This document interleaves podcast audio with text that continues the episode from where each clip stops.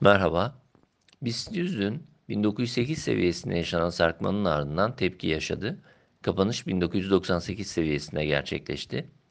Endekste destek ve tepki bölgesi olarak belirttiğimiz 1915-1880 bandının üst sınırından nispeten güçlü bir tepki yaşandığını belirtebiliriz.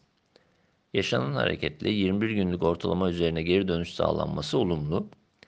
Bununla birlikte saatlik periyotta ortalamalarda belirgin yukarı dönüş sağlanabilmesi için 2020-2035 bandı üzerinde kapanışı gerekli görüyoruz. Bu durumda ancak kısa periyotta ortalamalarda yukarı eğilimin yeniden belirginleşmesiyle yükseliş hareketinin güç kazanabileceğini ve 2050-2065 bandına hareket yaşanabileceğini ineliyoruz.